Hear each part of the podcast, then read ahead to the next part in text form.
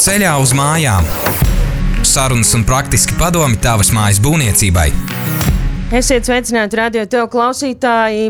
Jā, raidījums ceļā uz mājām. Šodien nedaudz citādākās skaņās, vairāk dāmas un arī kāds kungs mums šodien pievienosies. Mans vārds ir Elzbeta Puča un Madara tepat pretī, kā jau ierasts. Mūs visu parādīs, pastāstīs, izvedīs cauri visiem līkločiem par to, ko tad mēs šodien runāsim.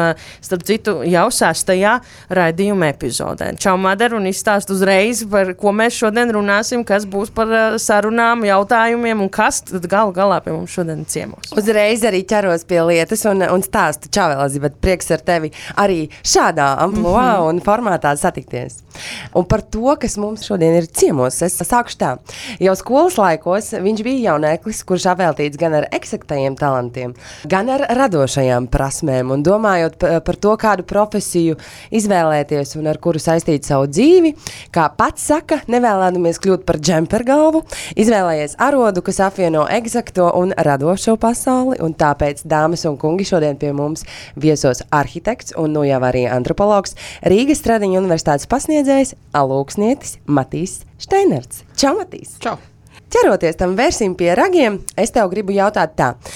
Droši vien lielākajai daļai no mums ir priekšstats par to, ko dara arhitekts, bet kā izskatās arhitekta antropologa darba diena? Pastāsti mums, lūdzu nu, arhitektūras un antropoloģijas tāda nozare Latvijā īsti nav. Es esmu viens no ļoti dažiem, kas, kas ar to nodarbojās. Un mēs pārsvarā strādājam tādā pilsētu plānošanas un pilsētas veidošanas laukā un nodarbojamies ar cilvēciskās mēroga un cilvēciskās perspektīvas tādu ieviešanu un norādīšanu pilsētas lēmumu pieņēmējiem, lai, lai pilsēta tiktu plānota ne tikai no augšas, no torņa, no, no kaut kāda rasējuma. No domes? Bet, jā, no domes augstākā stāva. bet arī no tāda cilvēka skatu punkta. Un eh, kas tie ir par paņēmieniem, ar ko tu saproti to sabiedrības vēlmi vai vīziju par kaut kādu konkrētu teritoriju, parku vai, eh, vai jaunu objektu? Um, Tā tad uh, antropologi vispār, varbūt tās sākam ar to, kā, kā darbojas. Ka, kas ir antropoloģija? Antropoloģija ir nozare, kas skaidro savādāko, skaidro dīvaino, nesaprotamo un mēģina atrast kaut kādu iekšējo loģiku, kāpēc kaut kādas sabiedrības grupas uzvedās tieši tā vai, vai, vai savādāk, un to skaidrot ar politiskiem, radniecības, reliģiskiem, cilvēku attiecību dažādiem modeļiem, ekonomiskiem arī. Un antropologs tātad dodas tajā kopienā, ko viņš izpēta, dodas ar viņiem padzīvo kaut kādu laiciņu kopā, vai vismaz satiekās seju sejā. Uh, un uzdod jautājumus, un saņem atbildes, un mēģina viņus interpretēt, saprotot maksimāli precīzi, vai kāds mums lej čugunu ausīs, vai tiešām stāsta patiesību. Nu, tāda viens pret viens pārbauda, vai, vai tas, ko, ko mēs, vai stereotipu pārbauda, vai, vai tā ir taisnība vai nav taisnība. Nu, principā sanāk, ka tavs darbs tādā vienkāršā valodā ir doties pie cilvēkiem, padzīvoties ar viņiem, ja nedaudz saprast, kas tur tajā galvā notiek, un tad tālāk to visu tu nes tālāk. Un, un, un, un, un iekšā būvē pilsētvidē. Ja? Tā jā, nu jā, skaidrot tos dažādos rīcības, kas notiek. Mēs reizēm kaut ko redzam uz ielas, kas liekas dīvains un nesaprotams, un mēs viņu gribam izstumt ārā, grafiti, ielu mākslu, piemēram. Bet to var skaidrot pavisam savādāk. To var skaidrot kā kā pilsētas radošumu, kā, kā to cilvēku grupu, kurām nav iespējas sevi izpaust kaut kādā radošā, viņu radošo enerģiju nav iespēja izpaust uz audekla, viņi izpauž uz citu veidu audeklu, viņi to sauc par pilsētas mm. audeklu. Un, lai tas nekļūtu par huligānismu, kā daudziem liekas, jā. tavs varbūt uzdevums un, un Mēs... domnieku uzdevums saprast, kā to pareizi. Jā, nu, varbūt visiem... kaut kādu jā. vietu, kur tas ir sociāli pieņemams, un mm. kādu skateparku, kur var mhm. krāsot mm. uz nebēdu, un, un tā kā Rīgā tur tuneļus kādreiz atvēlēja tam. Jā. jā. Man liekas, brīnišķīgi, ka mēs esam jā. nu, tik tālu jau nonākuši. Mēs mēdzam dalīt dzīvi posmos pēc kaut kādiem relatīvi svarīgiem notikumiem tajā. Piemēram, nu, pirms mēs apprecējāmies, vai tad, kad es pabeidzu studijas, vai tad, kad es sāku aktīvi sportot. Un katram tie notikumi var būt dažādi, bet ir vismaz viens, kas mums visiem ir kopīgs, un tā ir dzīve pirms un pēc Covid. Es ceru, ka būs arī pēc Covid, jo šobrīd laikam ir tikai pirms. Un zināms, ka mājokļu iegādes un būvniecības sfēra ļoti pamainījās pēc šī vīrusu uzliesmojuma. Un saki, lūdzu, kā tas mainīja tavu profesionālo, varbūt tieši arhitekta ikdienu? Mm -hmm. um, arhitekta ikdiena ar Covid mainījās vienlaicīgi arī tādā veidā, ka tajā pašā mēnesī principā tika ieviests būvniecības informācijas sistēma. Un, uh, lai gan viņa sākotnēji, un viņa joprojām ir tāda uh, Man viņa ļoti lauznīga, tuva ir. viņa ir tāda lauznīga, jo viņa grūti saprast, viņa ir ļoti neintuitīva. Un viņai tās lietotāja pieredze ir tāda patraka, bet uh, viņa deva iespēju visu darīt attālināti, strādāt attālināti, nekur nebraukāt. Un, manuprāt, Latvija ielica ļoti, ļoti labā vilcienā pašā pēdējā brīdī. Es patiešām nezināju, ka būvniecības informācijas sistēma, jeb bisiņš, kā es to Jā. mēdzu de- saukt, eh, ko mēs izmantojām savas mājas būvniecībā, mēs patiešām nekur nebijām klātienē. Es nezināju, ka viņi ir eh, radusies tieši. Viņa ir radusies pāris gadus ātrāk, bet viņa no, tā, no, no div- 20. gada janvāra pirmā ir jāizmanto obligāti visiem projektiem. Viņa bija neobligāta kaut kādu laiku, bet tad viņa arī maz izmantoja. Tad eh, tas nozīmē, ka es klātienē vairs nevaru iet tur. eh, Krāmēties ar saviem papīriem. Krā, klātienē tu vari iet tagad satikt speciālistus, Aha. bet uh, visus papīrus iesniedz uh, Ok. online. Jā. Okay, un, un teiksim, par kaut kādu tavu noslodzi, mēs zinām, ka teiksim, tāds, um, tirgus, mājokļu tir, tirgus palika ļoti nu, intensīvs. Ir mm -hmm. ārkārtīgi milzīgs pieprasījums, vai arī tev palika vairāk darba, vai arī vispār tāds - manī Matīs, es gribu, lai tu man beidzot to māju uzprojektē. Nu, es savā praksē nejūtu tādu uh -huh. atslābumu. Jā, tā uh -huh, uh -huh. Daudz, daudz darba ir. Jā. Forši. Uh, varbūt tu vari mums izstāstīt, kādas veiksmīgas un arī neveiksmīgas tendences tu redzi arhitektūras risinājumos pēdējā laikā, un, un jā, ko tu vari izcelt. Um, veiksmīgs, neveiksmīgs tendences. Manuprāt, visā iešana uz energoefektivitāti ir diezgan veiksmīgs stāsts. Man ir pāris klienti, kas ļoti veiksmīgi uzstādījuši sev gaisa, gaisa ūdens siltumsūkņus, uh, saules paneļus, un tagad patiesībā uh, iziet pa nulēm vai pat plusos ar, ar savu apkuri un, un, un, un mājas, vecu, ve, pat vecu māju nosiltinot. Ir, ir sanācis izveidot ļoti ekonomiskus un ener- energoefektīvus uh, mājas. Tas ir tas, kas, manuprāt, ir veiksmīgais un tāds vērtīgais. Un kā mēs, es ticu, ka pēc nākamās ziemas, ziemas tiešām katrs domās jau par to, kā Cik šobrīd, piemēram, ja tev varbūt procentuāli varbūt ir kaut kas galvā, kādi cipari, um, cik cilvēki izvēlas jau uzreiz uh, māju būvējot šos risinājumus ieviest tieši nu, pēc tavas pieredzes?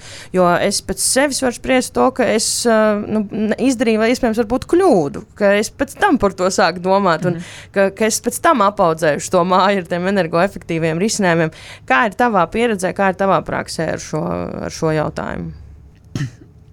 Nu, ja būvē jaunu māju, tad uh, gandrīz visi izvēlās uzreiz. Uh, Tādas, nu, tās, tie, tie, katrā ziņā cilvēki man nepretojās, ja es lieku kādu lieku vatas slāni virsū uz tām, uz Tad- tiem sienām.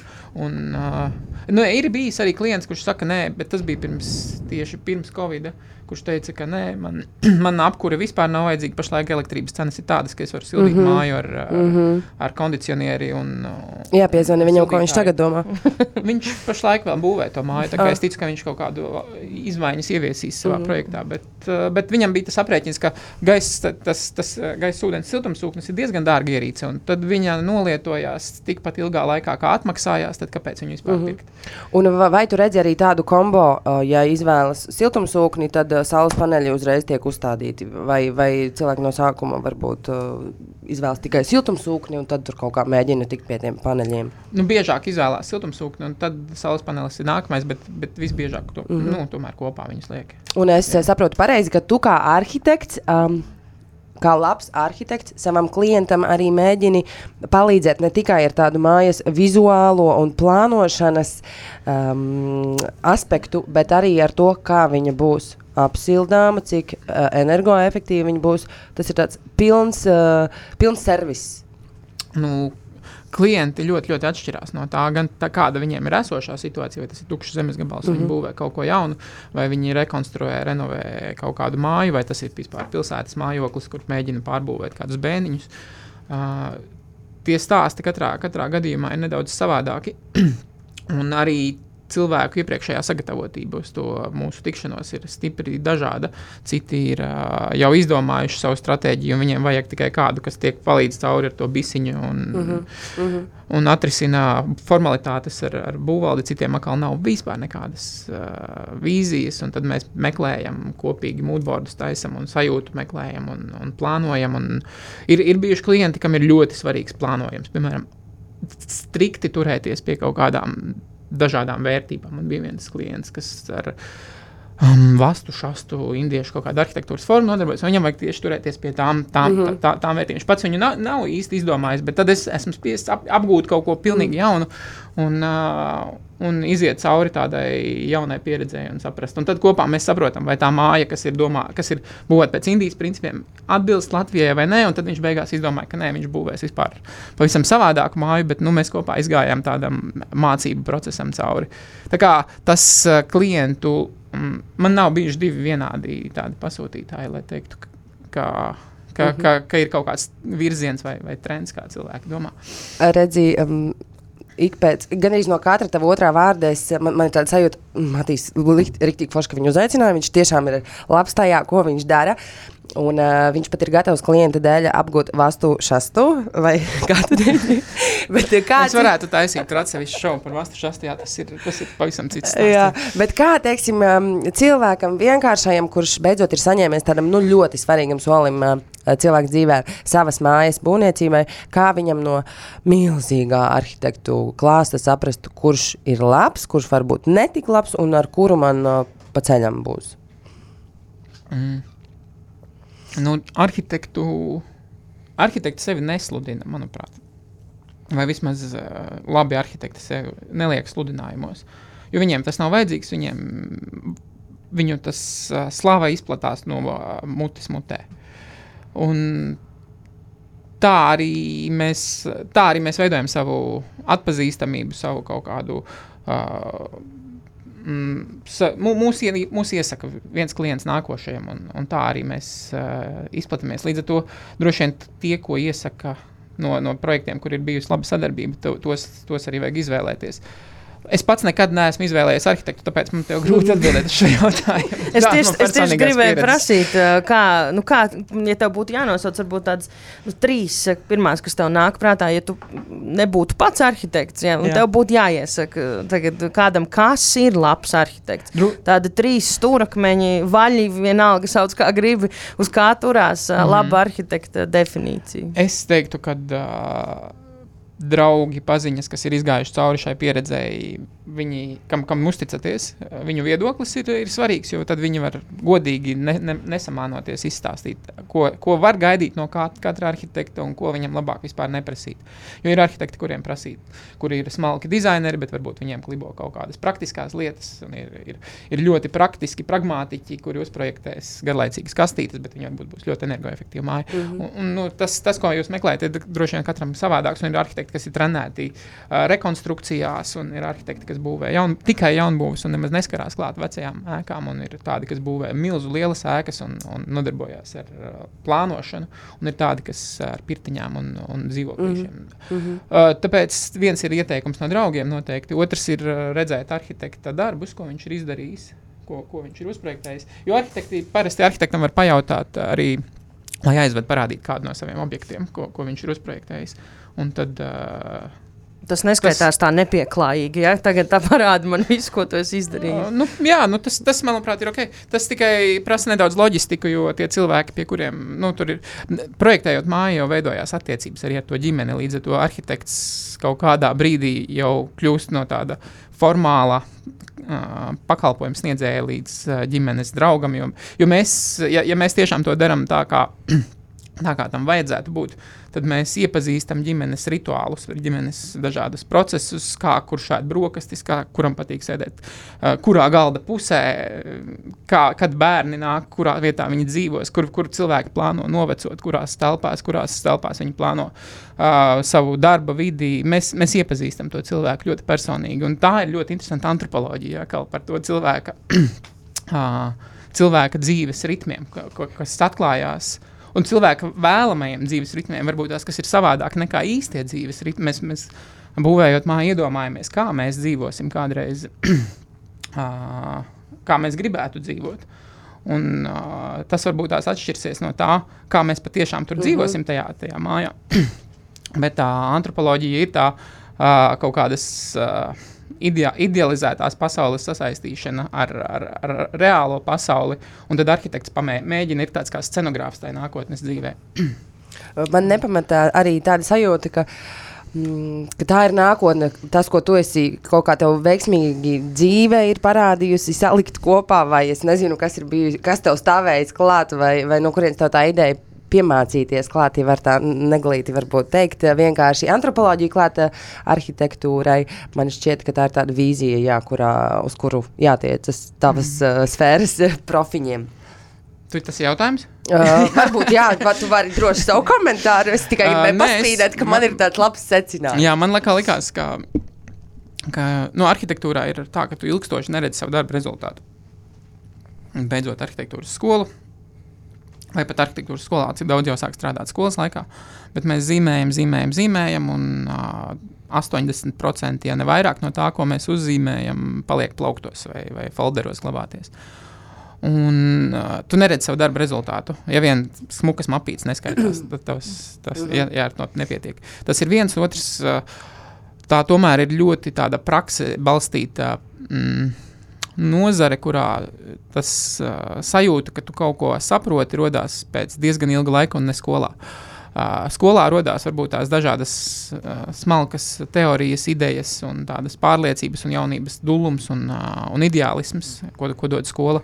Un arī tehnikas, kā to darīt, bet tāds īsts skills. Es, es nedomāju, ka es esmu mm. joprojām diezgan tāds daudz trenēts arhitekts. Un es ilgi jutos, ka es esmu tāds lūzers tajā nu, jomā. Man gribējās vispār kaut ko mest nost un mainīt, un kaut ko darīt jaunu. Man liekas, es biju kaut kādā ceļojumā, tur stopēju pa Balkāniem. Un, Un man liekas, ka varētu kaut kā pelnīt naudu ar ceļošanu un ar uh, un, un to arhitektūru mest vispār groziņā un aizmirst. Bet tomēr pagājuši tur ir nezinu, pieci gadi, ko mācoties, un vēl trīs gadi strādājot. Tad, uh, tad urbānā antropoloģija bija kaut kas pa vidu, savienojot uh, to. Un es tā domāju, jā, antropoloģija tā ir lieta, kad mēs dodamies pie svešām, ne tikai eksotizējam viņu un izmantojam kā tādu mm. pieredzes, um, braucienu pieredzes ceļojumu. Uh, Jo mūsu ekonomika un kultūra ir tāda, ka mēs uh, tirgojam pieredzes. Tas ir 21. gadsimta kaut kāds tāds - dīvainība. Nu, mārketings, jā. jā. Mārketings, un mēs tirgojam pieredzes. Un es negribēju palikt tajā seklajā līmenī, kad, kad es gribu braukt uz, skatīties uz lauvām un par to iznīcināt Āfriku vēl ar mm. visu savu ekoloģisko nospiedumu. Bet drīzāk darīt kaut ko labu tajā kopienai, bet joprojām braukt kaut kur, kaut kur joprojām darīt. Un uh, antropoloģija ir tas, kas mēģina būt. Uh, uh, laba pret to kopienu, kurā viņa attiecas. Mm -hmm. Mēs ejam uz visu kaut kādu briesmīgāko kopienu, sākotnēji stereotipiski. Un mēģinām viņu reprezentēt plašākā sabiedrībā un izskaidrot to iekšējo loģiku viņai. Tas man likās ļoti ētisks ceļošanas veids. Tāpēc es izvēlējos antropoloģiju, bet tad uh, es sapratu, jā, ka es gribu apvienot tomēr to mm -hmm. arhitektūru un urbānu antropoloģiju. Tad ir pa vidu kaut kur starp to ar pilsētu plānošanu. nu, ļoti laba no, profesija tev ir arī ņemot vērā to, kas šobrīd pasaulē notik, notiek. Man liekas, izprast uh, to otru kaimiņu vai, vai kopienu, kā tu minēji, tas mm -hmm. ir um, ļoti, ļoti būtiski. Esmu dzirdējis, ka Latvijā projektēšanas kvalitāte varētu būt labāka. Un daļai to varētu skaidrot ar to, ka arhitekti īsti nesot uh, iesaistīti līdz galam būvniecības procesā. Tu pats minēji, visu ko uzzīmē, bet uh, 80% no tā paliek mapītē. Um, man viens tāds labs, manuprāt, būvnieks teica, ka uzbūvēt jau var jebko, bet domājot par to, ka tam uh, ir jābūt galu galā ekonomiski pamatoti, reizēm varbūt pamainot kaut kādu nelielu detaļu, relatīvi nelielu detaļu arhitektūrā, to būvi varētu uzbūvēt varbūt nu, kā, nezinu, veiksmīgāk un, un ekonomiski jā, lētāk. Varbūt kāds ir tavs komentārs? Nu, man šo? liekas, ir paveicies strādāt tādos birojos arhitektu un ar tādiem kolēģiem, kuri ir tie uh, būvmeistari. Mm -hmm. Rietumē Eiropas tādā kultūrā būvniecības ir būvmeistars, kas stāv pa vidu starp uh, uh, celtnieku un arhitektu, vai tāds nu, apkopojošā mm -hmm. profesija, kas ir, kas ir starpdisciplināra un Un, uh, mums Latvijā arī ir tādi arhitekti, kas piedalās visā procesā, sākot no skices līdz uh, līdz interjera projektam, līdz ainavu labiekārtojumam, kas stāv tam blakus ne tikai uzzīmēšanā, bet arī visā būvniecībā, autoru uzraudzībās, projektēšanā. Tas ir drusku dārgāks pasākums, nedaudz droši vien, ja tā domā no tāda mm -hmm. vidējā tirgus cenas viedokļa, tad, tad jā, bet man ir paveicies strādāt ar tādiem uh, kolēģiem, mm -hmm. kuri tam tiešām stāv blakus un, un pievērš uzmanību celtniecībai līdz, līdz galam. Tā kā ir, ir, ir tādi, bet uh, mūsu, uh, gan mūsu maki, gan mūsu uh, tāda kopējā varbūt, pieredze. Nu, nav, mēs, mēs laikam neprasām esam pieraduši, ka mēs paši būvējam māju, tā ir mums kaut kāda tautas tradīcija. Pašiem būvēt savu māju, no, un pašiem būt saviem būvmeistariem. Un, uh, un tur bieži mēs, person, cilvēki, kas neesam saistīti ar būvniecību, atkal uzkāpjam uz daudziem grābekļiem mm -hmm. un mhm. kļūdāmies. Un, un tā neusticēšanās un dažādiem.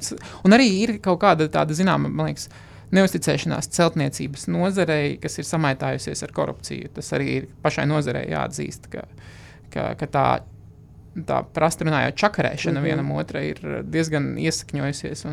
Tas varbūt bojā to uzticību, kāpēc es nolīgtu kādu vienu, kurš man tagad iebaros. Yeah dažādus mm -hmm. savu, savu klientu produktus. Un, un neusticēšanās varbūt ir viens no savstarpējā Jā. cilvēka neusticēšanās galvenais iemesls tam. Un tas varbūt varētu būt vēl viens punkts, ka meklēt to arhitektu tādu, kurš ir arī būvmeistars, uh, izvēloties to savējo, un vēl tu pieskāries tam, ka tas iespējams maksā dārgāk kā arhitekta pakalpojums, bet ilgtermiņā uh, nu, tas varētu atmaksāties.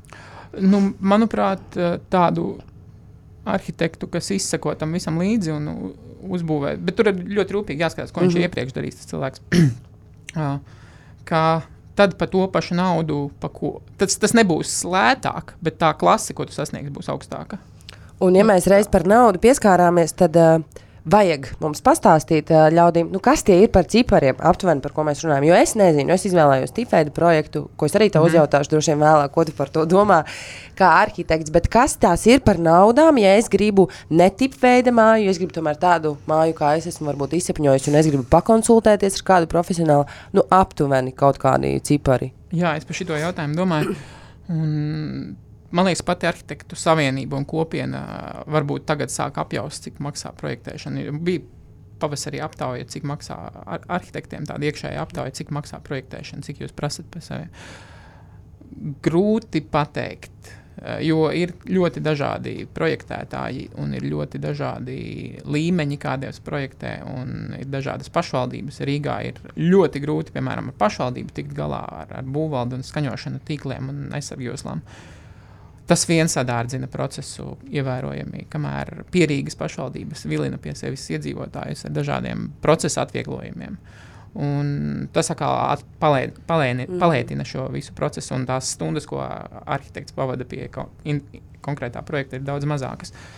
Uh, Rīgā bieži vien sanāk strādāt pie, pie projekta, pieņemsim, trešdaļu laika un divas trešdaļas laika pavadīt ar skaņošanām un, un cīnoties ar tādām projekta vadības problēmām.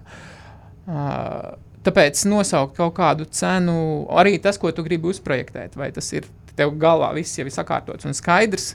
Un tev vajag tiešām tikai cilvēku, kas izved cauri procesam, vai tev vajag tiešām kādu, kurš iedziļinās tavas ģimenes ritmos un uzprojektē tavu, tavu, tavu nākotnes māju, mm -hmm. un tavu vispār dzīves scenogrāfiju, un domā filozofiski vai domā pragmatiski. Uh, es tev nevaru nosaukt kaut kādu konkrētu cenu, tāpēc tas ir, tas ir grūti. To atkal droši vien var prasīt draugiem un paziņot. es, kāds, es, es ātri iesprāgšos, saruna ir ārkārtīgi interesanti. Jā. Man gribas uzjautāt arī no tavas tās personīgās pieredzes, arī vispār un taviem novērojumiem. Cilvēki, kas izvēlas arhitektus, vai viņi, nu tāds varbūt provokatīvs jautājums, bet vai viņiem ir izpratne to, par to, par ko viņi maksā? Tad, kad viņi to arhitektu paņem? Vai, ir, vai, ir, vai tu vairāk jūti to, ka cilvēki kā, nu, negluži pretojās, bet viņiem uzreiz ir tāds, nu, jā, bet es jau pats arī varu mēģināt, jā, bet ko tad, mm -hmm. nu, kāda ir tā Latvijā kopējā jā. sajūta pie projektiem strādājot? Tu, manuprāt, ļoti labi uzminēji to, ko es gribēju iet tālāk par to izmaksu kompozīciju, kā tas veidojās, jo daudziem cilvēkiem varbūt liekas arhitekts, projekts, uh, ekskavators, mm -hmm. betonmaisītājs, māja Bet tam pa ceļam ir vēl uh, arhitekts, ir tikai projekta tāds kopā turētājs.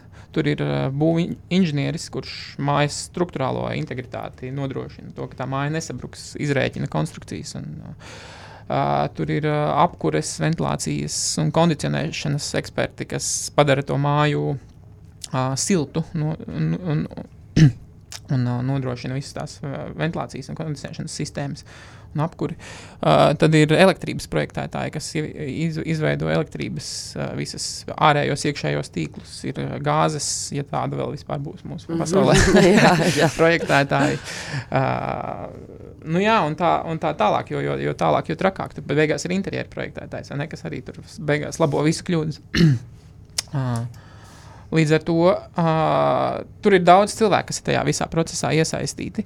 Un, uh, tas nav viens arhitekts, tā ir tā vesela arhitekta komanda, ar ko, ko viņš strādā. Tas arī varbūt ir labs jautājums arhitektam, kāda ir komanda, vai viņam ir tie speciālisti jau pieejami, vai tam klientam būs jāmeklē viņi atsevišķi, tad tas ir vēl papildus čakara līmenis. Uh, tāpēc kāds bija tavs jautājums? Vai cilvēki vairāk, uh, vai viņi saprot, par ko viņi maksā arhitektam, vai viņi turpina tajā posma laikā visu laiku uzdot jautājumus, uh, nu, kāda ir tā vispār kopējā jā, sajūta? Mhm, mhm. Uh, daudzi saprot, un daudzi atkal. Uh, man ir bijis tā, ka klienti ir. Uh, nu, laikam, baidās vai kautrējās prasīt izmaiņas tajā, tajā savā projektā. Ai, Viņi, es viņiem uzda, uzzīmēju pirmo skici, un viņi jau, hei, forši, zīmē, būvējam. Un es tā pagāju, tā bija pirmā skice. Tur jau vēl es tikai tā kā jūs tikai mēģinu iekārdināt, jūs jau gatavi šo būvēt. Nē, nu forši, būs drosmīga māja. Bet, bet nē, var prasīt arhitektam arī kaut ko palabot, pārzīmēt, un, un kamēr tas pro projekts patīk. Nu, arhitekts to neņem pie sirds katrā ziņā. Ja? Es, es saviem klientiem parasti mēs vienojamies, ka līdz kādām trim, četrām reizēm mēs to pārzīmējam, mm -hmm. kamēr atrodam. Jo nu, pirmā reize ir pirmā reize, otrā reize. Uh, ir droši vien kaut kāda piezemētāka, un tad trešā ir, kur mēs savienojam kaut kādas savas uh, gan, gan ambīcijas, gan uh, praktiskās iespējas. Jā, tie, jā. tie, kas ā, baidās, man šķiet, ka tie varētu būt tie paši, kuri baidās frizierim pateikt, bāc, ne, man nepatīk, tu nogriezt par īsu vai tā krāsa man nepaspīd. Vienkārši, ja mēs maksājam par uh, pakalpojumu, ir pilnīgi ok, ja starp diviem cilvēkiem ir diskusija par to, ko viņi uh, gala beigās grib radīt. Varbūt tāds jautājums, ko vajadzēja uzdot nedaudz iepriekš, bet tomēr, kā tad man saprast, kādu māju man vajag, kā uzprojektēt uh, sev piemērotu māju, varbūt kas ir tie lielumi, kas man ir mm, pašam sev jāsaprot, pirms es dodos pie arhitekta, lai mūsu uh, sadarbība būtu produktīva. Mm -hmm. nu, visvieglāk ir strādāt ar cilvēkiem, kuri kaut vai uz rūtiņu lapas ir uzskicējuši kaut kādu savu sapnīti, savu, savu ideju, kam ir kaut kāda doma. Vienalga, cik trīcelīgi, neproporcionāli šķīvi greizi ar uh, zilo lodīšu pildspalvu vai nolaustu zīmolu. Tur kaut vai mums var uzzīmēt, uzzīmēt to, ka es gribu apmēram tādu, tad mums ir kaut kas no kā sākt. Tad nav vispār man jāmin. Tad, vai arī, piemēram, kaut kādu savu moodboardu uztaisīt ar tām, tām lietām, kas viņiem liekas foršas, patīkamas. Uh, Tā es cilvēkiem bieži prasu, lai atsūta kaut, ko, kaut kādus piemērus, vai nu no ko viņi paši redzējuši, kaut kur ceļojot, vai, vai, vai arhitektūras žurnālus, iedot pašķirstīt un saprast, ko, ko, ko, uz ko tad mēs ejam, kas, kas ir tas mērķis. Tas ļoti palīdz uh, koncentrēties un strādāt fokusēti. Um, Nu jā, tas, tas man liekas, svarīgākais. Apmēram pašiem saprast, ko grib. Un varbūt saprast, ā, cik ilgi gribēju šajā mājā dzīvot. Vai tur redzu arī savu bērnu nākotni, vai es tur gribu desmit gadus nodzīvot un uh, uzsist, tā teikt, gaisā. Nu, tās, tās ambīcijas jau apgriež spārnus. Jau, tā, tā, kā tā, nu, kā, ir, jau. Uh, ir jau uh, nu, tas ir, manuprāt, lielā, liels uh, arhitekta ētikas jautājums un arī uh, klienta izglītības jautājums. Uh, kurā brīdī viens otram pasaka, hei, šis ir uh, traki, šis ir uh, bijis jāierobežo, šito tu neuzbūvēsi. Vai, vai, jo, ja man neviens nesaka, es jau, jā, Mhm. labi, es zīmēšu tev, kā tu man prasi, tur būs 400 kvadrātmetru māja, beigās izrādās, ka nemaz viņu nav iespējams mm -hmm. uzbūvēt. Nē. Ne, tas ir vajadzīgs. Ne, tas ir vajadzīgs kādam, jā, un tas, tas iestrēgs būvlaukumā uz, uz visiem laikiem. Un beigās tur ir tikai trešdaļa māja uzbūvēta, mm. un tad mēs taisām izmaiņu projektu. Bet, uh, Jā, nu tāpēc tāds, tādā mm, saprašana droši vien, ko var un kas ir vēlams, tā, tā balanss. Bet tas jau droši vien radās, kā mēs iepriekš runājām mm -hmm. ar tevi, uh, pie trešās mājas, ka tu zini, mm -hmm. ka, ka, ka, ka vislabāko tu uzbūvēsi mm -hmm. tikai trešo māju. Jā. Es uh, nokautrējos, uh, es, nu, jā, nokautrējos piesaistīt arhitektu savai mājai. Es, uh, man bija priekšstats, tas būs pārāk dārgi. Un, uh, un varbūt uh, sarežģīti, un par cik termiņš bija ierobežots laika, kurā mums tajā mājā bija jāsāk dzīvot. Mēs izvēlējāmies tīpēdu projektu. Esmu ļoti apmierināta mm -hmm. ar to, kā manu pirmo māju, un, un viss ir baigi forši. Uh, kā tu skaties uz tīpēdu projektiem kā arhitekts, antropologs? Wow. es jau kā, kā arhitekts domāju, kā es to skatos. Uh, tas droši vien ir variants, kā darīt tad, ja tevi viss, ja, ja viss apmierina tajā projektā jau sākotnēji, tad tas ir uh, ok. Mm -hmm. Ja tur ir kaut kas jāsāk izmainīt, tad abas puses droši vien ir uh, bēdīgas vai vīlušās, jo gan arhitektam ir pa lielam jāpārzīmē viss tas no jauna, gan arī klientam tas sanāk dārgāk beigās, jo tas sanāk tik un tā mhm. darboties mm -hmm. ar arhitektu. Un, un tas viss process tur. Ja, ja, ja to māju uzliek tieši tā, kā tu gribi, un tu viņus atradusi tajā katalogā, vai kur nu viņus atrod, uh, tad, uh, nu, tad tā piesaistīt. Es domāju, ka tas arī ir ok veids, jo mums gribās savā mājā dzīvot. Un, Mm -hmm. Mums nevajadzētu to pārāk ierobežot. Tas mm -hmm. tāds diezgan mhm. liels liberāls. okay, jā, es tev sapratu. Jā, man novērts arī ar to, ka tas uh, būvnieks un, un arhitekts, ar ko mēs um, galu, uh, gala rezultātā sastrādājāmies un to lietu izdarījām, bija relatīvi jauni uh, sajā, savā ša, šīs karjeras sākumā, un viņi bija gatavi tomēr šo mm -hmm. to mhm. nedaudz pamainīt mm -hmm. par sakarīgiem cipariem. Līdz ar to man ir tifēda projekts, bet nedaudz madars gal, -hmm. gal, galvē. Um, labs ir, laižot tālāk. Man uh, ir tev sakojošs jautājums. Es pati dzīvoju Pierīgā, Tāpēc gan no rīta, gan vakarā braucot uz darbu, man gadās izbaudīt korķus, kad mm -hmm. visi tā saucamie laucinieki, pierīdznieki straumēm dodas dienas gaitās un darbos, lai vakarā atkal dotos māju. Kā tu vērtē to, ka tik daudzi no mums izmanto to Rīgu naudas pelnīšanai un varbūt karjeras mm -hmm. būvēšanai, bet to savu nu, īsto laikam, ne varbūt ne īsto dzīvi, bet nu, privāto dzīvi izvēlas tomēr uh, vadīt un, un organizēt uh, Pierīgā? Nu, tas, ka izmanto Rīgu, droši vien nekas traks nav. Bet pašai Rīgai kā tas patīk, es nezinu, Rīgai pašlaik laikam ir viena alga.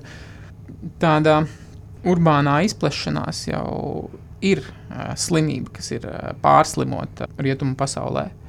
Notiek atgriešanās pie iepriekš iztukšojamies pilsētu centriem, uh, kur, kas, kas, kas kļuv, bija kļuvuši kādreiz gan Amerikas pilsētās, gan Eiropas pilsētās, bija kļuvuši diezgan noskratuši, bēdīgi. Uh, kur dzīvo, dzīvo un dzīvoja masturīgi cilvēki, jo tie turīgie bija izcēlušies ārpus viņas, viņa un pārcēlušies dzīvot uz laukiem. Tas pilsētas centru nogalina, palielina auto intensitāti, kas svārsta migrāciju iekšā ārā. Tas palielina ceļu tīkla izmēru un līdz ar to arī izmaksas pašvaldībām par to in infrastruktūras uzturēšanu. Uh, Uh, un kamēr vien notiek izaugsme, tas ir uh, veiksmīgs process priekš katras pašvaldības apkārt Rīgai. Tas ir, tas ir, tas ir urā, jā, viņi, viņas ir augošas pašvaldības, viņi ir atvērti bērnu dārza skolas. Tur uh, būvēt jaunus ceļus, jo viņiem ir jauni nodokļu maksātāji, jauni cilvēki, ekonomiski aktīvi cilvēki, kas pelna daudz naudas, ved viņu mājās no Rīgas, jo mēs nodokļus maksājam pašvaldībā, kurā esam deklarēti. Un viņi var attīstīties. Bet tad, kad šie cilvēki aiziet pensijā un noveco, un tas vēl nav sācis notikt, tad uh, tādi pie, piepilsētas ciemati kļūst par ļoti lielu ekonomisko slogu šīm pašām pašvaldībām, jo ir jāiztīra sniegs, jāizved atkritumi, jāpiegādā pilsētas labumi, kas uh, pienākās pēc mūsu likumdošanas. Ja tu dzīvo pilsētas teritorijā, tad tev pienākās visādas centrālās, uh, centrāli inž inženiertīkli, mm. ūdens, kanalizācijas. Un tie ir ļoti, ļoti, ļoti dārgi. Ja mēs skatāmies uz veiksmīgām valstīm Eiropā, uz Nīderlandi, piemēram, tad centri ir ļoti blīvi un ļoti norobežoti. Viņiem neļauj izplūst. Un tajās valstīs, kurās tas ir noticis un ir notikusi tāda plaša suburbanizācija, tie ir, viņi pašlaik cīnās ar, ar, tā, ar tā sekām. Beļģija, piemēram, ir visa viena liela suburbāna piepilsēta.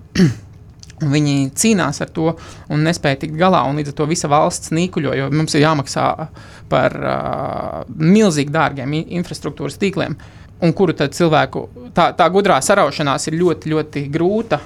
ā, ja, ja, ja ir ļauts izplūst centriem. Un tāpēc tā ir milzīga kļūda no tādas ilgspējīgas domāšanas, ka, ka mēs ļaujam pilsētai izplūst ārpus savām robežām. Piemēram, Islandē, kas ir ļoti maza valsts, bet ir ā, ļoti liela pret savu teritoriju. Visas pilsētas ir ļoti, viņiem nav problēma ar, te, ar telpu, bet, bet pilsētas ir ļoti, ļoti blīvas tieši tāpēc, lai, arī enerģijas iegūšana tur nav tik liels problēmas. Bet tāpēc, lai būtu mazi inženieru tīkli, un tad mēs netērētu naudu uh, šīm pragmatiskajām lietām tik daudz, bet tērētu foršajām lietām, izglītībai, kultūrai, varētu veltīt uh, uh, savas valsts atpazīstamībai, pilsētvidas veidošanai. Mums nav naudas Rīgā pilsētvidas veidošanai, tāpēc, ka mēs viņu tērējam kaut kam citam. Un tas cits varbūt tās ir uh, pilnīgi iepriekšējo pauģu radītas kļūdas, uh, lieki izdevumi. Un viņi tikai pieaugs tad, kad uh, visi cilvēki, kas pašlaik izceļo uz pierīgu, at, uh, novecos un viņus būs jāsāk par viņiem maksāt mm. pensijas, mm -hmm. pabalsti, medicīnas izdevumi, jātīra viņiem sniegs un viss pārējais. Tu minēji pie, piemērus kā Beļģiju, Islandi, nedaudz jau pieskāries arī uh, mūsu pašu Latvijai, bet vispār vēl nedaudz arī kāda ir tā, kāda ir tā mūsu situācija šajā jautājumā ar visiem šiem uh, c- ciemiem, p- p- iedzīvotāju mm. sablīvētību, vai mēs uh, šobrīd varbūt ejam tagad to pareizo ceļu, vai kas mums būtu pilnīgi krasi jāmaina, lai mēs arī varētu, nu, piemēram, būt tādi kā Islandē. uh, Kas ir tās zāles par šo slimību, kā Jā. tu, kā tu to Manuprāt, ļoti lielas kļūdas ir pieļautas uh, administratīvajās reformās, ļaujot pašvaldībām pašām plānot savas teritorijas. Uh, jo šie cilvēki, pašvaldība pirmkārt pelna naudu ar iedzīvotāju ienākumu nodokli. Nu, viens no veidiem, kā viņi pelna iedzīvotāju ienākumu nodokli, pārējais ir uzņēmējdarbība.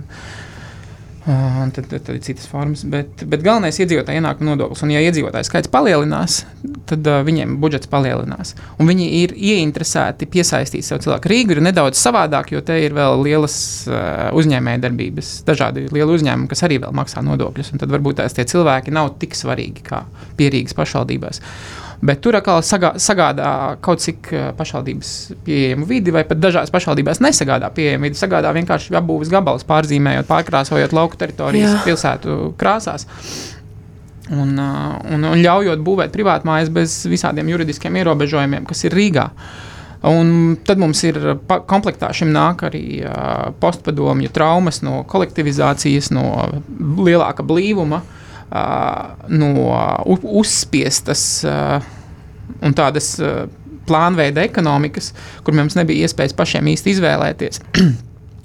un, tad tas veido kaut kādu perfekto vētru priekš tā, ka uh, cilvēki vēlās katrs savu stūrīti zemes. Tas mums liekas kā tāds mūsu lielā vērtība, mūsu viensētnieku kaut kādu tādu stereotipu rep reproducēšanā, katram savas mājas vēlēšanās.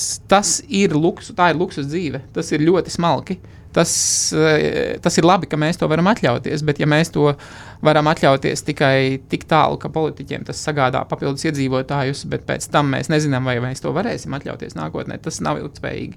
Un tas var sagādāt problēmas, un tas droši vien sagādās problēmas. Tā kā, eh, kamēr vien notiek izaugsme, tikmēr visas tās pašvaldības ir priecīgas un politiķi saņem papildus plusiņus vēlēšanās par labas vidas izveidošanu, bet eh, tiklīdz um, būs jāsāk rūpēties par pierīgas senioru ciematiem, redzēs, kas vēl notiks. Kas ir tās, nu, nu tu esi ārkārtīgi gudrs un man milzīgs prieks, ka tu esi pie mums. un man liekas- laiku tā slavē. Nu, bet patiešām, kāpēc es nevaru savam tautietim pateikt, un, un gandrīz novadniekam, ka man ir ārkārtīgs prieks ar tevi sarunāties. Un, Matīs, es ceru, ka, ka tevi arvien vairāk iepazīstīs ik viens no Latvijas iedzīvotājiem, ka tu savā karjerā kāpsi un kāpsi un kāpsi, un, un mēs ik viens tautietis varēsim um, baudīt tos labumus, um, nu, ko tu uzbūvē un, un kā tu uz lietām skaties. Bet kas būtu tās, nu, nezinu, divas, trīs lietas, ja tev būtu visi varas instrumenti, un, un ik viens zinātu, ka ir jāklausa tam, ko Matīs Steiners uh, saka, kā tu, kas ir tās Rīgas, varbūt sāpīgās lietas, kas mums tad nu, ātri būtu jārisina, lai, lai mēs nenonāktu nu, tādā diezgan skumjā nākotnē, par kādu uh, mēs te nedaudz ieskicējām jau un runājam, un arī par reģioniem runājot. Nu, kas ir tās mm -hmm. lietas, ko mums vajadzētu nu, salabot, un, un par ko ikvienam tautietim vajadzētu jau tagad sākt domāt, un varbūt kaut kā nedaudz savādāk rīkoties, lai mēs galu galā pēc gadiem 50 un 100 visi būtu laimīgi? Es, nu, suburbanizācijas tādā apturēšanā un viņas pā, pavēršana uz iekšpusi droši vien ir svarīgs uh, veids, kā to izdarīt. Vai tā ir uh, plānošanas uh, rīkiem, vai kaut kāda pašvaldība autonomijas sa sam samazināšana un plānošanas reģionā autonomijas palielināšana. Uh, tas droši vien ir tehnikas jautājums, bet jā, tas, tas, tas ir ļoti būtiski. Uh, Rīgai savukārt, ja skatāmies tikai uz Rīgu, tad uh, Rīga pirms dažiem gadiem sāka to apkaimju tādu veidošanu, un tas, manuprāt, ir forši un labi. Un šīm apkaimēm ir izveidojušās biedrības, un apkaimēm ir izveidojušies kaut kādi centriņi. Un tas, ka Rīga nav tikai viens centrs, un varbūt tur vēl ir Āgenskalns un, un, un kaut kāda Mieriela. Jā, mieriela. Bet ka veidojās apkaimju centri, Un tā, veid, tā, tā, tā lokālās identitātes, ka Rīga ir mazu uh, ciematu kopiena. Tas varētu būt tas, ka, kā, kā varētu atdzīvināt Rīgu un piesaistīt atpakaļ cilvēkus, lai viņa būtu dažāda, dažādiem cilvēkiem, dažādībai, uh, kur, kur, kat, kur, kur arī cilvēki jūtas spējīgi kaut ko ietekmēt. Jo pašlaik Rīga ir tikpat liela kā puse no Latvijas. Uh, Un uh, tā mazā cilvēka sajūta šeit ir forša. Šeit atbrauc no, es atbraucu no Lūksnes, es pazudu, es esmu lielpilsētā, Irishman in New York. Un, un, un, un, un, un, un sky is the limit, vai ne? Bet uh, gribās arī ietekmēt kaut ko sevi, savā pilsētvidē, savā dzīvē, saviem cilvēkiem. Un tāda apkaimju kopienu stiprināšana varētu būt veids, kā mēs gan parādām un izceļam dažādas foršas lietas, kas jau ir Rīgā, gan arī radām jaunas. Uh, Uh, Agenskalna tirgus, manuprāt, Agenskalna mm -hmm. kopiena ir tāds spilgtākais uh, piemērs, uh, kur, kur tā apgājuma kopiena ir spēcīga. Bet, bet viņas ir daudzās vietās. Piemēram, Balderāja varētu būt tikpat uh, smalka vieta. Tā ir vispār fantastiska vieta no tādas novietojuma. Tur ir jūra, tur ir uh, uh, ezers, laikam, un up, nē, tur tā vecdaugava, jā. jā. Buļupe, uh, buļupe, tur ir vecdaugava otrā pusē. Uh, jā, un tur ir. Uh, Tur ir dārziņi, tur ir uh, lauki, pilsēta, viss vienā vietā, bet viņai ļoti depresīva vieta. Un...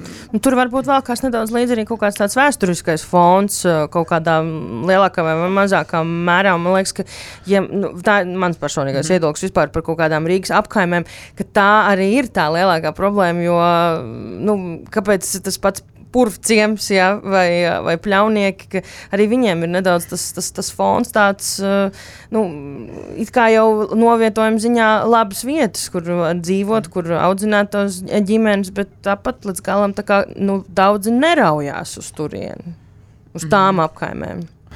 Jā, viņas drīzāk ir tādi uh, kāpnes sociālajā izaugsmē, kad mēs padzīvojam, tad dodamies mm -hmm. kaut kur tālāk. Nevis paliekam tur uz vietas. Mm.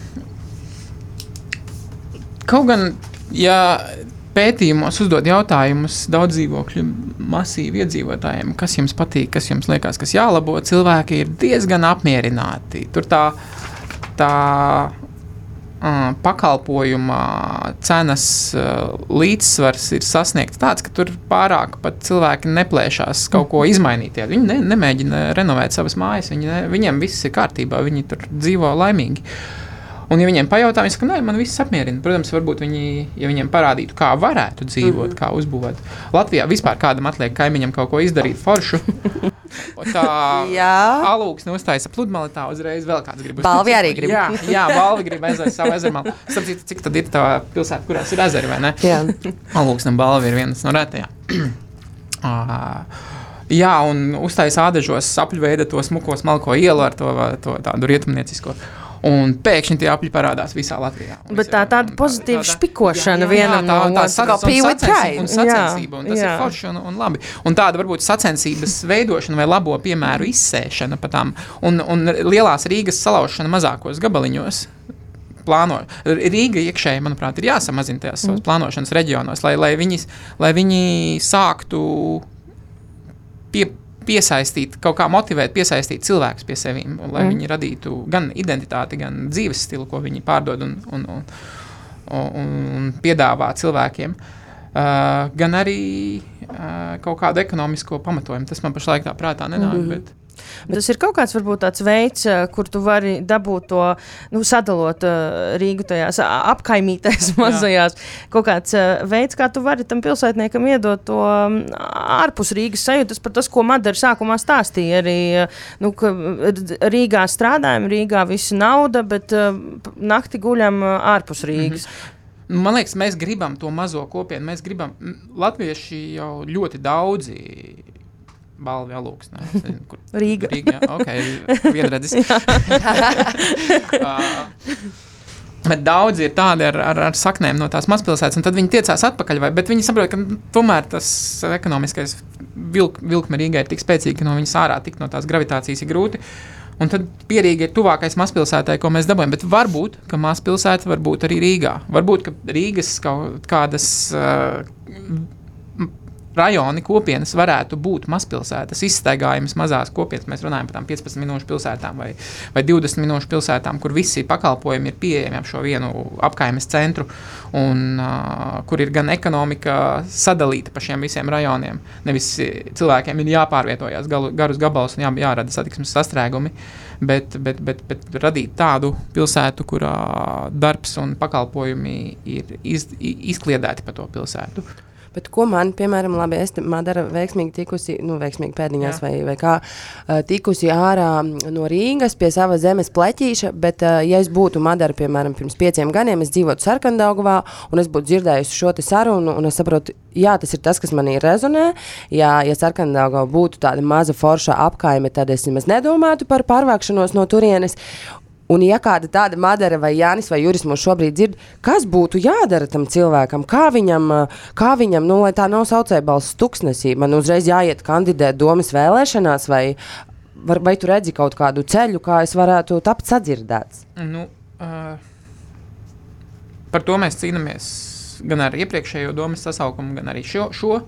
Uh, likās, ka šis so, domas sasaukums varētu būt uh, tāds, kurš a, sadzird un, un, un, un mēģina veidot cilvēka mēroga vidi un drusku atteikties no autocentrisma. Uh, kā nu sanāk, kā sanāk?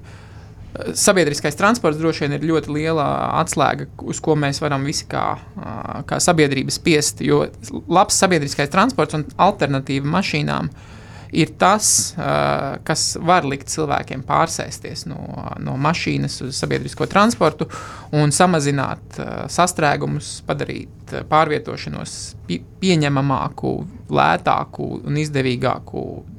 Braukt 40 cilvēkiem autobusā ir daudz, daudz lētāk mums visiem kā sabiedrībai nekā braukt 40 mašīnām pa ielu. Jo mēs mašīnā esam godīgi, braucam vispār vienam. Varbūt degvielas cenas kaut kādā veidā tam palīdzēs, bet tā kā sabiedriskais transports pēdējo pat pāris gadu laikā ir ievērojami degradējies, tad uh, tās alternatīvas jau nav. Mēs varam, uh, piemēram, mm, man patika, kā viens dāņu pilsētu plānotājs uh, stāstīja par to, kāpēc viņš brauc ar velosipēdu. Tas ir nevis tāpēc, ka viņš.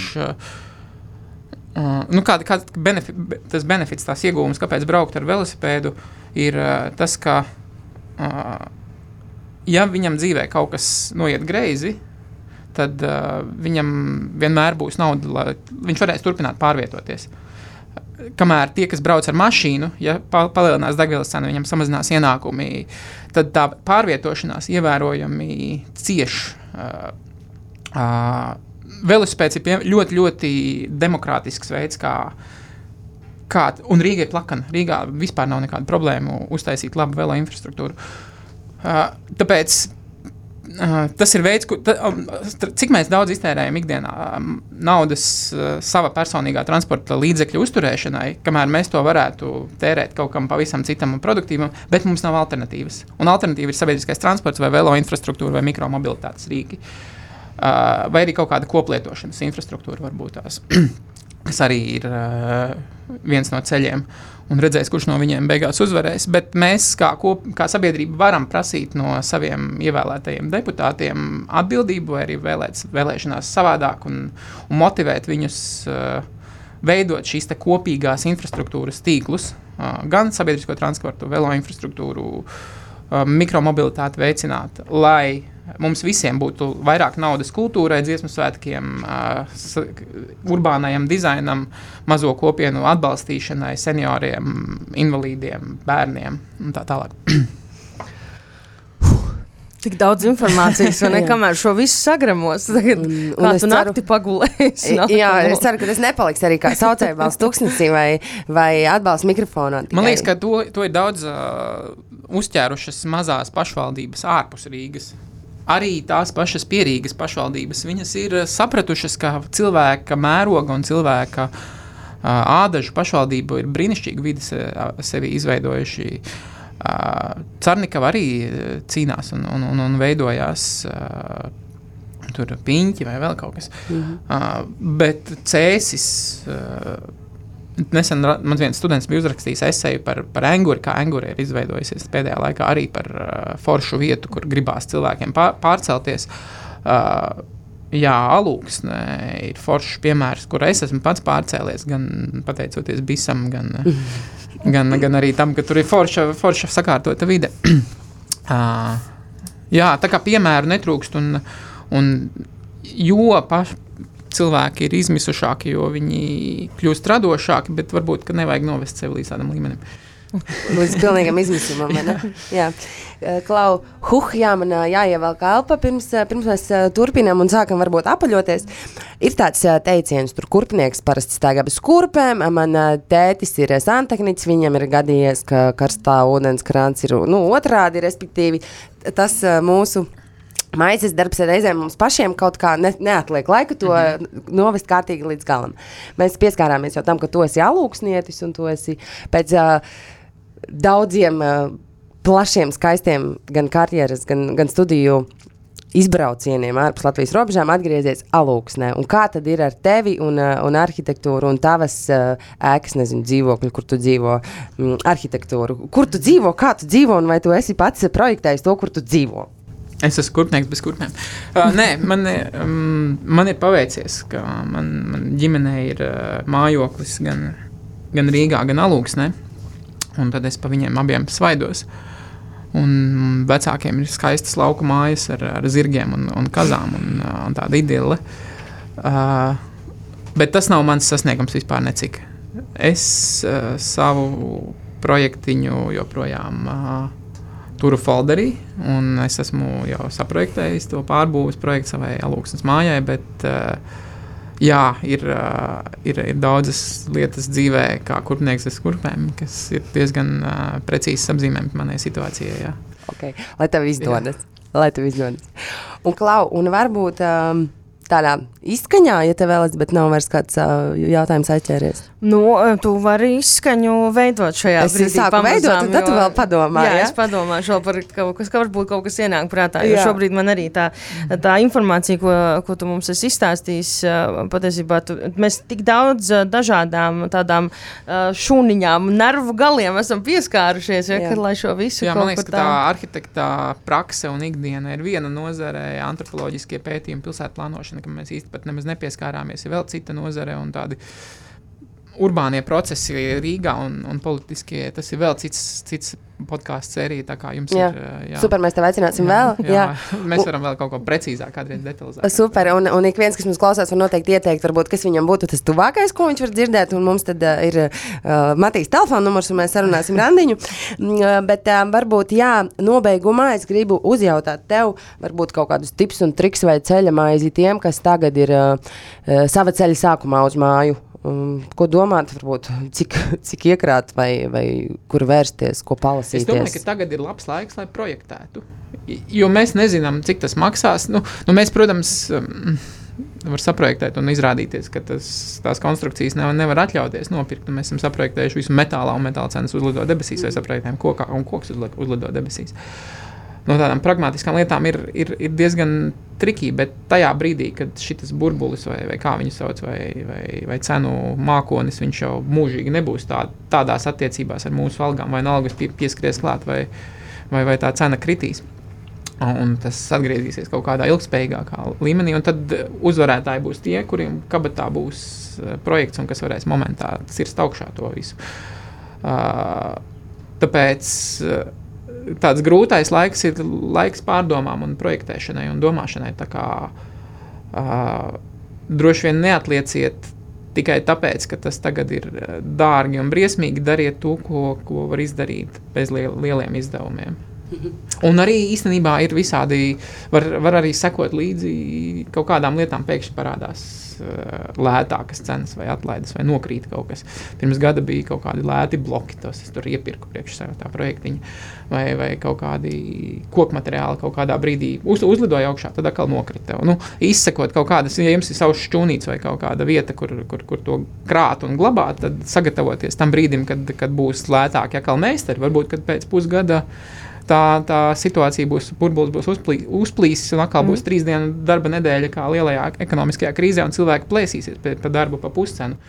Un jūs būsiet viss iepirkts, un jūs varēsiet uh, to izdarīt daudz lētāk nekā tagad, bet tam ir jāsagatavojas. Nu, redz, ziemas krājums var veidot ne tikai Jā. ievārījumiem, gurķiem un ķirbjiem, bet kā izrādās arī tad, ja um, jāprojektē mājas un vispār saviem sapņiem, kas nākotnē ir Tas paredzēts. mūsu vecāku uh, ziepju krāšanas uh, uh, tradīcija vai palagu iepirkšana, tad, kad ir pieejami palaga veikalos, ir Uh, ir jāapskēlo uz, uz, uz. Uz vienu situāciju. ejam tālāk. jā, ejam, mēs varam, mēs mēs varam vairāk. mēs varam pilnu garāžu piešķirt. Un uz šīs uh, pozitīvās, ļoti pozitīvās noces es gribu vēl pēdējo jautājumu tev uzdot. Varbūt um, domājot par to visu, ko mēs, uh, ko mēs runājām, un domājot par savas mājas uh, radīšanu, kur tu ieteiktu aizbraukt, uh, pastaigāties, iedvesmoties vai varbūt kaut kādu īpašu ēku uh, apskatīties? Latvijā? Jā. Mm. Privātās mājas, tu domā? Uh, es uh, skaisti the limit, uh, every, every, every border, ne, bet every teritorija. Man vienmēr patīk izbraukt cauri meža parkam, un meža parka vecās villas ir ļoti skaistas un tādas pasapņot, ka varētu kāds kādreiz tādā arī plašāk, vairāk cilvēku dzīvot. Tas, protams, droši vien nav ilgspējīgi, un tā daudzi nevar atļauties, bet uh, ietekmēties un iespaidoties noteikti var. Uh, Jā. Atbrauciet uz alūksni, tur ir forši. Mm. Jā, tiešām šovasar, ko jūs sēžaties četrā mašīnā, nebraucat divu uz cēsīm, brauciet četrā uz alūksni, būs tas pat, tā pati cena. Jā, jā, super. Man liekas, tas ir brīnišķīgs novēlējums. Tiekamies alūksnē, noteikti vismaz uz kapu svētkiem reizi Jā. gadā. Un, uh, un visādi citādi tiekamies un, un dzīvojam um, un domājam par to, kā vidi sev apkārt radīt ilgtspējīgu un, uh, un foršu dzīvošanai. Un tiekamies nākamnedēļ. Tiekamies. Forši, paldies par sarunu. Paldies! Čau! jums. Čau! Ceļā uz mājām - sarunas un praktiski padomi tavas mājas būvniecībai. Pilnu sarunas ierakstu klausies radiotev.clv.